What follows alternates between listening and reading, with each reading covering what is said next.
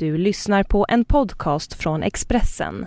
Ansvarig utgivare är Thomas Mattsson. Fler poddar hittar du på expressen.se podcast och på iTunes. Det här är Expressen Dokument och dagarna som skakade Sverige. I dagens avsnitt, Polismorden i Malexander av Andreas Utterström, som jag, Sebastian Parkla, läser upp.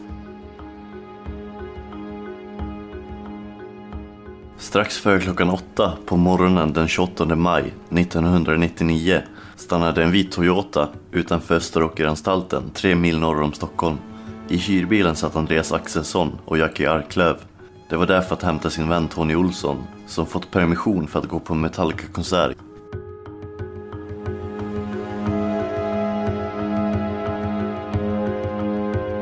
Hade bilen kontrollerats hade bluffen avslöjats. I Toyotan fanns ett automatvapen, tre pistoler, ett jaktgevär med kikarsikte, tre handgranater, 250 gram sprängdeg, ammunition, extra magasin och kommunikationsapparater. Målet var Östgöta Enskilda Bank i Kisa. Pengarna skulle användas till den nationalsocialistiska kampen. Vid tvåtiden parkerade de söder om Kisa och bytte bil till en stulen Saab.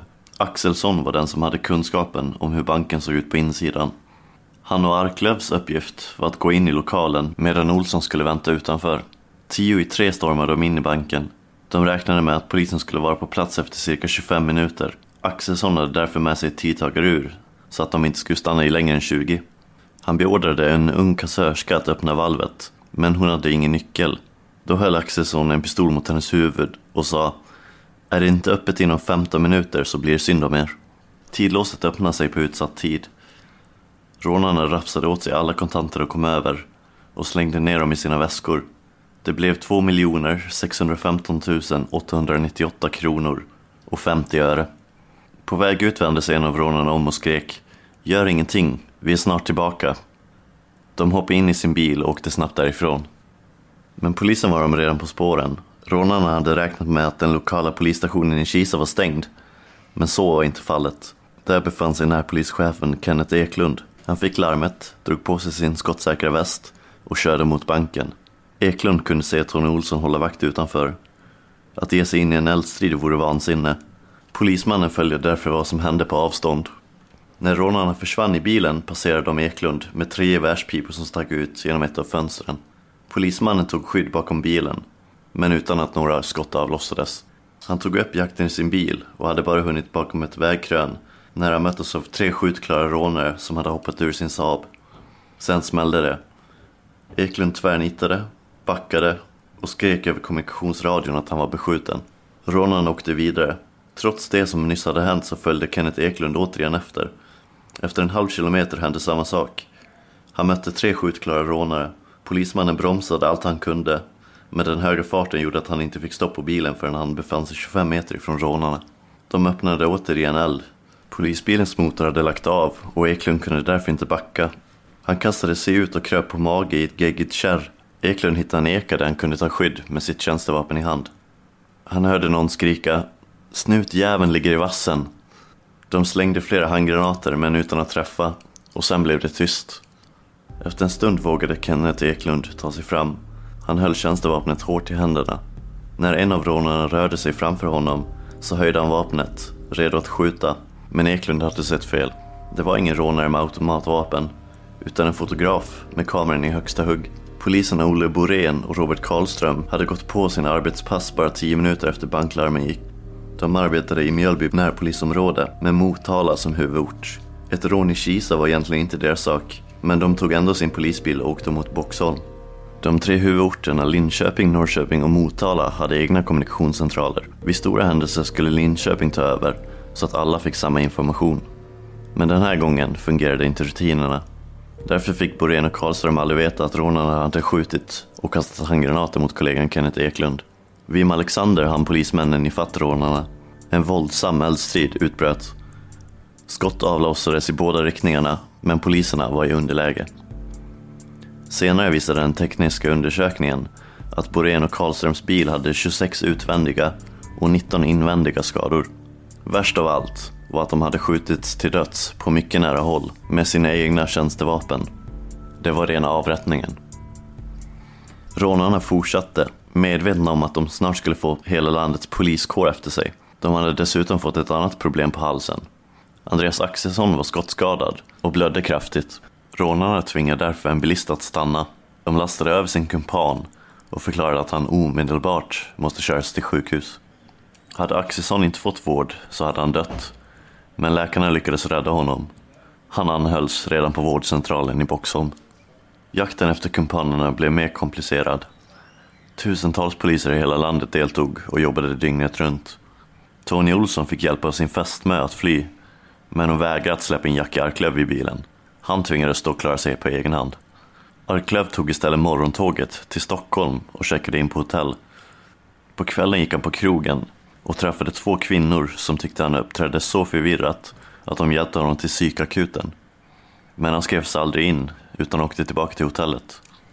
Måndagen den 31 maj, tre dagar efter rånet, så greps Arklöv utanför Andreas Axelssons lägenhet i Tyresö. Varför polismördaren tog en sån risk är en gåta. Han måste ha förstått att polisen skulle bevaka lägenheten.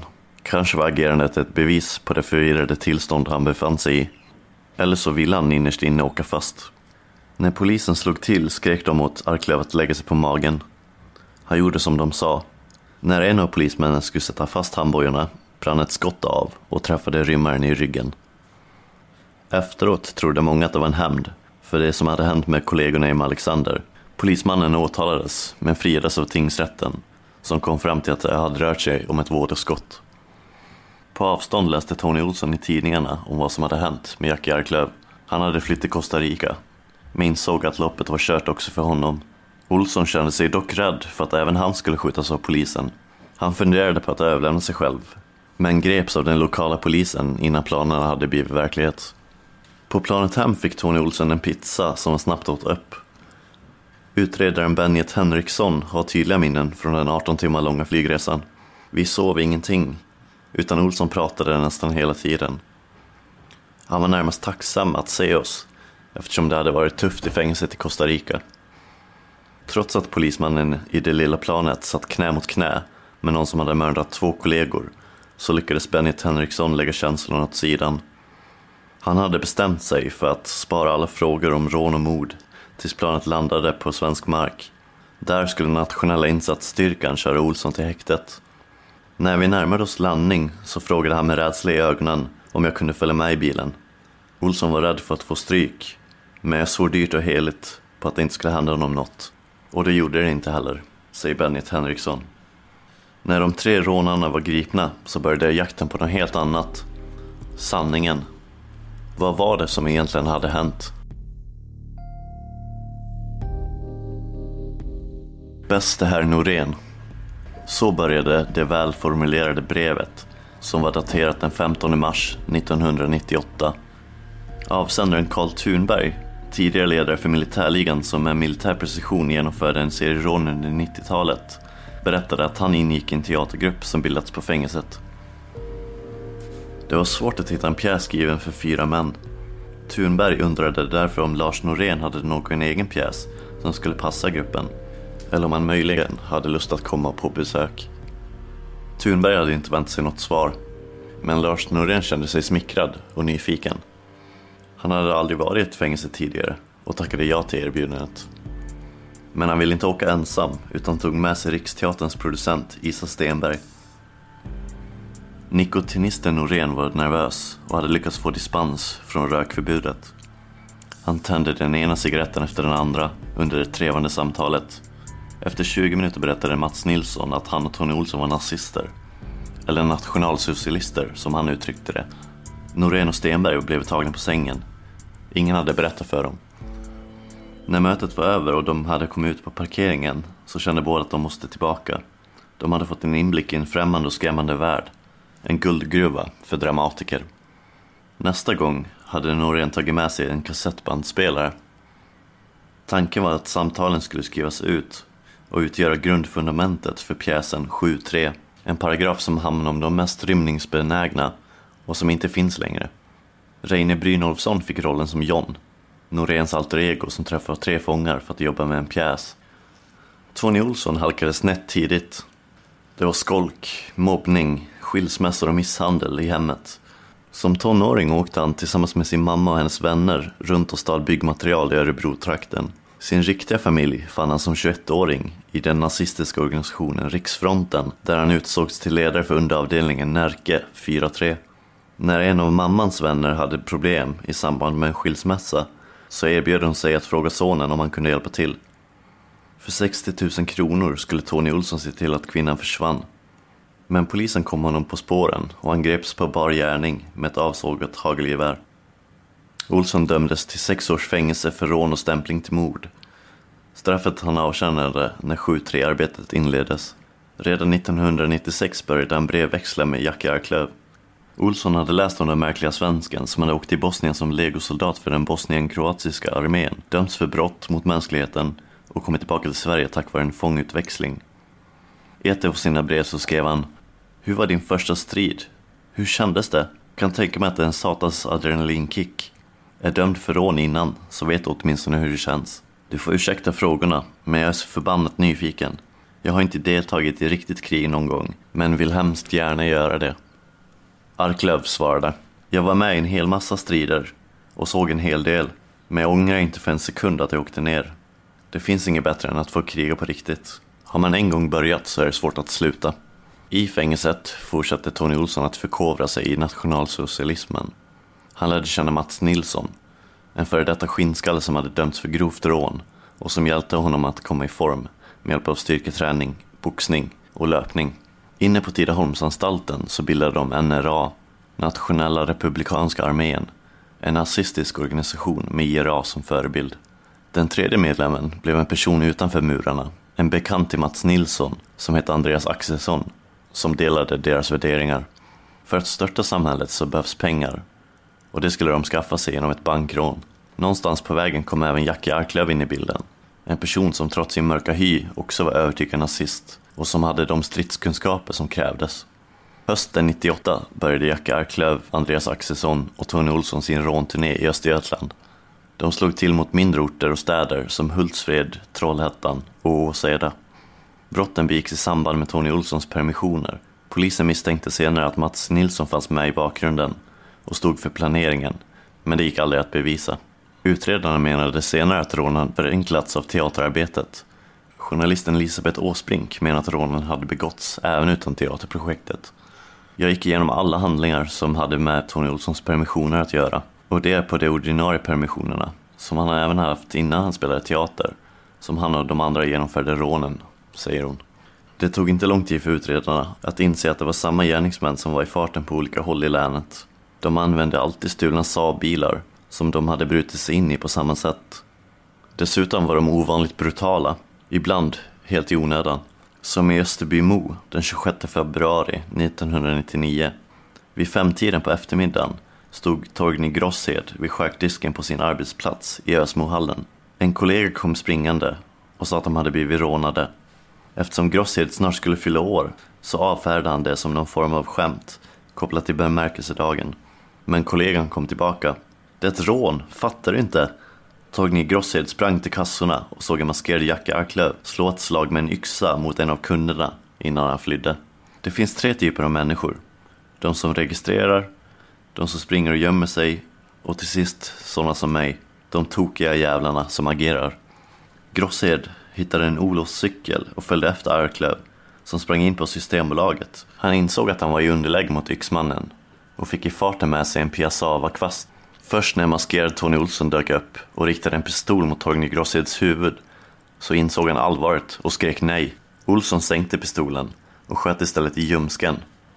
Jag har aldrig upplevt en liknande smärta. Grossed lyckades ändå behålla medvetandet och hasade in i en trappuppgång. Blodet forsade fram. Han slet av sig livremmen och drog åt så hårt han kunde för att stoppa flödet. Samtidigt flydde rånarna med drygt 41 000 kronor i byte. Torgny Grosshed klarade sig utan allvarliga skador och efter bara en vecka så skrevs han ut från sjukhuset. Värre var det några månader senare när han svimmade ute på gräsmattan. Hunden väckte honom genom att slicka huss i ansiktet. Det visade sig att skottskadan hade orsakat blod i lungorna och nu fick Grosshed tillbringa ytterligare en vecka på sjukhus. Men det gick bra den gången också.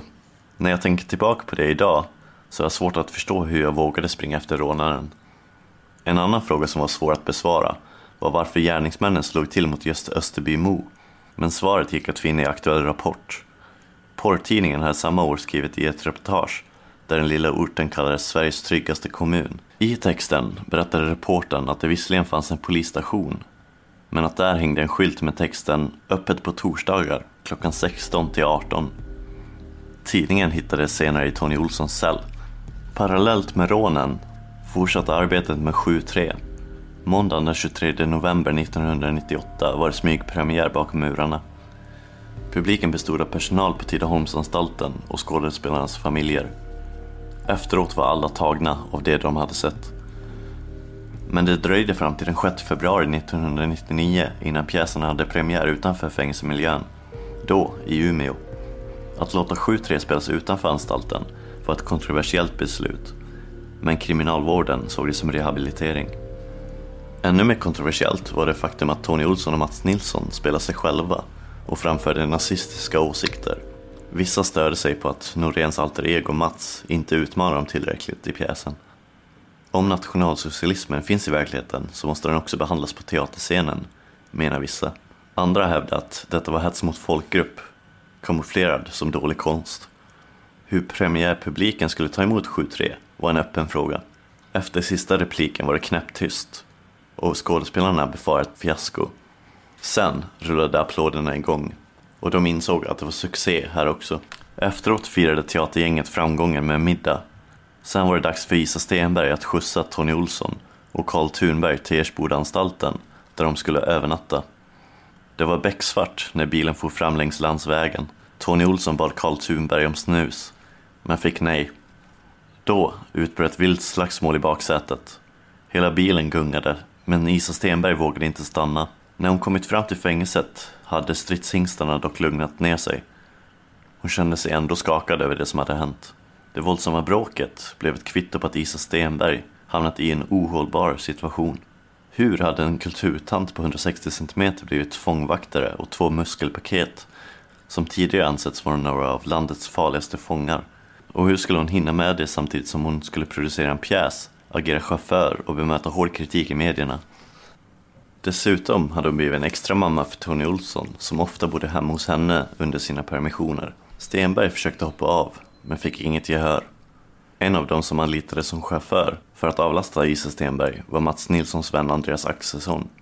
7-3 fortsattes att spelas in fram till den sista föreställningen i Hallunda den 27 maj 1999. Dagen efter mördades Olle Borén och Robert Karlström. På eftermiddagen den 28 maj 1999 satte sig Astrid Glad i bilen för att via Alexander åka till jobbet i Vimmerby. På radion hörde hon nyheten om rånet i Kisa. Hon visste att sonen Robert Karlström och hans kollega Olle Borén var i tjänst denna dag och blev orolig. Vid ICA i Kisa fick Glad syn på en polis. Han berättade att det hade varit skottlossning med Alexander och att kollegor hade blivit beskjutna. Astrid Glad kände paniken komma hon fortsatte bilfärden och framme i Alexander så stoppades hon av en privatbilist som hjälpte polisen med att blockera vägen med sitt fordon. Du måste vända, sa han. Men Glad stod på sig. Hon berättade att hennes son var polis och att hon var tvungen att få veta om han var en av dem som hade blivit skjutna. Astrid Glad gav mannen sina bilnycklar och sprang till nästa vägkrön där hon träffade en kriminaltekniker. Jag vill veta vem som har dött, sa hon. Det visste inte teknikern men han hade sett att de döda polisernas plånböcker låg kvar inne i bilen och gick bort för att se efter. När han kom tillbaka fick Astrid Glad sitt livs värsta besked. Tyvärr är det Robert, sa han. I november 1999 inleddes rättegången i Linköpings tingsrätt. Den byggde på en gedigen utredning där utredarna vänt på varenda sten. Ingen förväntade sig annat än att Arklöv, Axelsson och Olsson skulle dömas till långa fängelsestraff. Frågan var hur domstolen skulle hantera det faktum att det inte gått att fastslå vem som avlossade skotten som dödade Olle Borén och Robert Karlström. Mordrättegångarna kan, tro Mordrättegångarna kan trots tragiken vara kliniskt rena från känslor. Förhandlingarna utvecklas ofta till snustorra diskussioner om tidsangivelser, avstånd och ljusförhållanden. Den här gången blev det annorlunda. Två dagar före julafton fick Anneli Ljungberg, Olle Boréns sambo, chansen att tala inför rätten. Hon berättade om hur de hade träffats och deras starka kärlek. Han tyckte verkligen att jag var den vackraste och klokaste kvinnan på jorden. Allt detta satte ni stopp för. Du, Tony Olsson. Du, Andreas Axelsson. Och du, Jackie Arklöv. För mig spelar det ingen roll vad ni eller era advokater säger här i rätten. Efter allt jag har hört och sett i rättegången så är jag säker på att ni är skyldiga, alla tre. Anneli Ljungberg fick Svenska talarpriset för det som senare kallades Tal till de tre.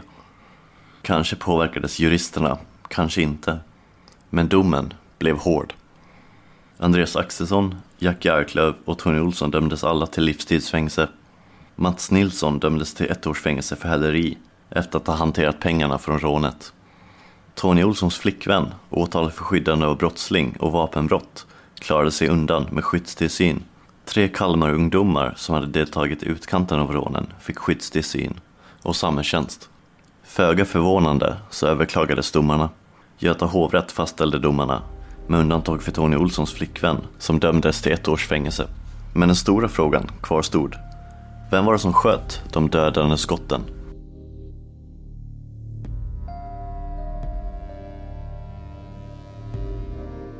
Den 24 maj 2001, nära tvåårsdagen av morden på Olle Borén och Robert Karlström, sändes Folke Rydéns dokumentär Vägen till Alexander i SVT.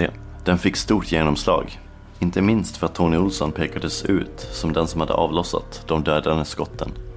Folke Rydén gjorde en suggestiv och stark dokumentär, men det bygger på felaktiga premisser. Den slutsats som hänger fast efteråt är att Noréns teaterprojekt skapade förutsättningar för brottslingarna att begå brott. Det är falskt, säger Lisbeth Åsbrink. En person som påverkades starkt av dokumentären var Jackie Arklöv.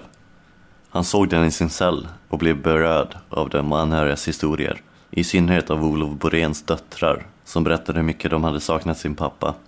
Dessutom hade Arklöv, som brukade predika soldatheder där man står för sina handlingar, ljugit i dokumentären. Genom att förneka att det var han som sköt de dödande skotten så la han skulden på Tony Olsson. Efter sex dygns vånda så ringde Jack Arklöv till sin advokat Per Durling och berättade sanningen. Han bad också advokaterna att kontakta polis och åklagare. Benjet Henriksson åkte tillsammans med kollegan Eiler Augustsson, som varit ansvarig för förhören med Arklöv, till Kumlaanstalten. Arklöv berättade för första gången att det var han som mördat poliserna. Men varför? Det var någon form av militär reaktion från erfarenheterna i Bosnien. Tänk aldrig, agera, reagera, sa Arklöv i förhöret. När det blivit dags för lunchpaus så försökte Henriksson lätta upp stämningen. Ja, det var ju bra det här. Det var en sak jag är missnöjd med, sa han. Vadå? undrade Arklöv spänt. Jag hörde att du bjöd på sockerkaka när Folke Rydén var här och intervjuade dig för sin dokumentär. Någon sån har inte jag sett till idag. Efter pausen kom en påtagligt nöjd Arklöv tillbaka med en färsk nötkaka. Vet ni vem som hjälpte mig baka? Säg inte att det var Lasermannen, svarade Eiler Augustsson, som var den som hade förhört John. Men så var det. Benjet Henriksson vände sig till sin advokat Duling och sa I så fall tar du första biten.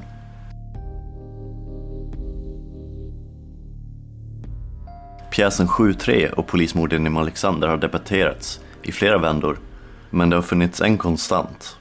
Astrid Glad. I egenskap av Robert Karlströms mamma tog hon på sig rollen som inofficiell talsperson för de anhöriga. Det bara blev så, eftersom ingen annan ville. Dessutom ville jag göra allt jag kunde för att sprida kunskap om nazismen, säger hon. Astrid Glad pratade med journalister, skolklasser, konfirmander och ungdomar på fritidsgårdar. Hennes budskap var enkelt. Låt er inte luras in i politisk extremism. Det som hände min son visar vad det egentligen handlar om. Men det tog på krafterna. Jag börjar bli gammal. Jag är 73 år idag. Jag har funnit någon slags sinnesfrid och tycker idag att det är ganska jobbigt att prata om Robert. Vad jag än säger och gör så får jag honom inte tillbaka. För några år sedan så fick Astrid Glad veta att Jack Arklöv ville träffa henne i fängelset. Tänk att sitta där och se honom i ögonen. Att behöva ha den bilden på näthinnan resten av livet och det tror han att jag skulle ställa upp på. Aldrig i livet. Genom åren har Astrid Glad varit väldigt arg och besviken på Lars Norén, som hon menar visar bristande empati och har smitit undan sitt ansvar. Vissa höjer honom till skyarna. Men på egen hand så har han åsamkat en negativ bild av sig själv. Tänk att någon som är känd som så duktig och intellektuell kan bete sig så illa. Han har varit bedrövlig. Det har gått 15 år sedan morden i Malexander. Andreas Axelsson, Jackie Arklöv och Tony Olsson sitter fortfarande i fängelse. Ingen av dem har fått sina straff tidsbestämda och vet därför inte när de kommer bli fria. Lars Norén har fortsatt sin karriär som dramatiker, men de senaste åren har han mest fått uppmärksamhet för att i två tegelstens tjocka volymer har publicerat sina dagböcker med anteckningar från 2000 till 2012. Den 16 december 2008 så skriver Norén jag känner verkligen inget moraliskt ansvar för rånturnén och morden som ägde rum i Malexander den vackra sommardagen efter den sista föreställningen. Jag var övertygad om att allt ansvar för det som skedde utanför repetitionssalen låg hos Kriminalvårdsstyrelsen. Men Norén skrev också att hans kunskaper om fångarna och deras strävan var så bristfälliga att vi, eller jag, kanske borde ha förutsett vilka krafter vi släppte lösa. Elisabeth Åsbrink tycker att journalisterna ofta missade målet i det medietryck som uppstod efter Alexander-mordet. Det blev ett ytligt drev där ingen egentligen kollade vad som hade hänt.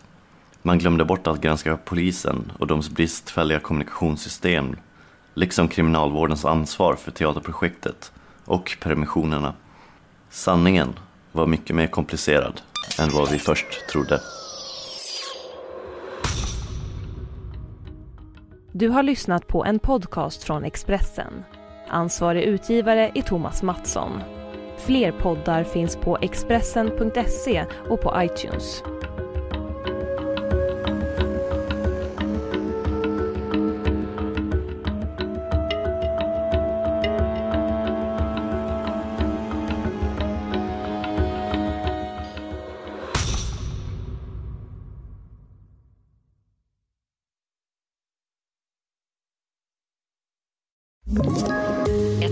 Poddtips från Podplay. I podden Något Kaiko garanterar östgötarna Brutti och jag, Davva, dig en stor dos skratt. Där följer jag pladask för köttätandet igen. Man är lite som en jävla vampyr. Man har fått lite blodsmak och då måste man ha mer. Udda spaningar, fängslande anekdoter och en och annan arg rant. Jag måste ha mitt kaffe på morgonen för annars är jag ingen trevlig människa. Då är du ingen trevlig människa, punkt. Något Kaiko, hör du på Podplay. Därför arkadeinerna.